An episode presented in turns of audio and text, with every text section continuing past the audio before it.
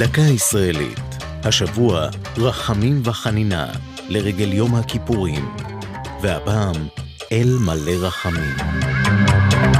כינויים רבים לאל מספרים על תכונותיו, ובהם שניים קוטביים, טוב ורחמן, לעומת קנאי ונוקם. תכונותיו הרחומות כלולות בפנייתו של משה רבנו אל האלוהים. אל רחום וחנון, ערך אפיים ורב חסד ואמת. האזכור הראשון לתפילת אל מלא רחמים מופיע רק בתחילת המאה ה-17 בספר מעבר יבוק שיצא לאור באיטליה.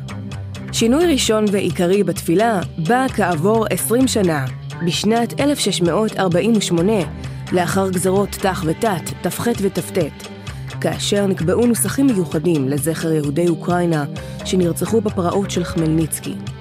נוהג זה של קביעת נוסח מיוחד לתפילה לזכר קורבנות של אסונות גדולים נשמר במשך השנים.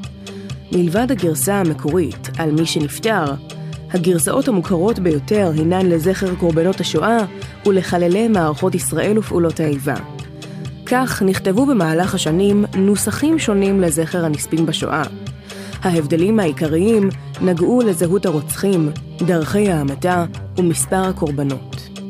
ב-1962 הציע מוסד יד ושם את הנוסח ובו מוגדרים הרוצחים במונח הנאצים ועוזריהם.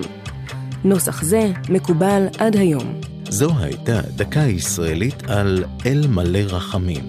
כתב אוהד ברזל, ייעוץ הפרופסור דוד אסף, עורך ליאור פרידמן.